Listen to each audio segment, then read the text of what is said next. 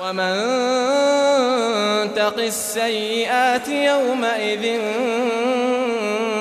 فقد رحمته وذلك هو الفوز العظيم. أنت تعرف الآن هل أنت ممن رحمك الله أو لا؟ إذا شفت نفسك وعرضتها على المعاصي والسيئات. فإن صرفت نفسك والله أعانك فقد رحمك الله. وإن كانك وقعت. دور لرحمة الله. وهذه في يدك. في يدك. وأنت تمر على مؤشر الراديو على أغنية. سيئة. بعتها كذا. فقد رحمته وقاك الله السيئات ومن تق السيئات يومئذ فقد رحمته وذلك هو الفوز. هذا هو الفوز. هذه العزة. هذا هو الانتصار. أن تنتصر على نفسك. أن تنتصر على شهوتك.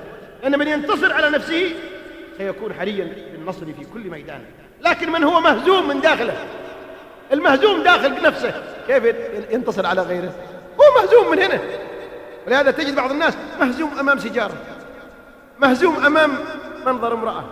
يقف في الشوارع وفي الطرقات ويخرج إلى الأسواق ويتلصص بعين سقيمة مريضة إلى محارم الله. شوف يتمصمص مثل الكلب يشمشم.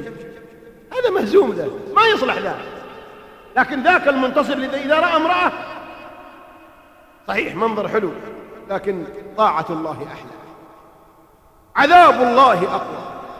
أنا أقارن بين لذة المعصية وبين عقوبتها. أجد أن لذتها بسيطة وعقوبتها طويلة. عقوبتها عظيمة. إذا كان من ملأ عينيه من الحرام ملأهم الله من جمر جهنم. يا خارجها. إذا كان من استمع إلى مغنية صب الله في أذنيه يوم القيامة الرصاص المذاب. أجل كيف أسوي؟ صعبة جدا عليك أيها الإنسان. أجل ومن تق السيئات يومئذ فقد رحمته. اللهم قنا السيئات يا رب العالمين.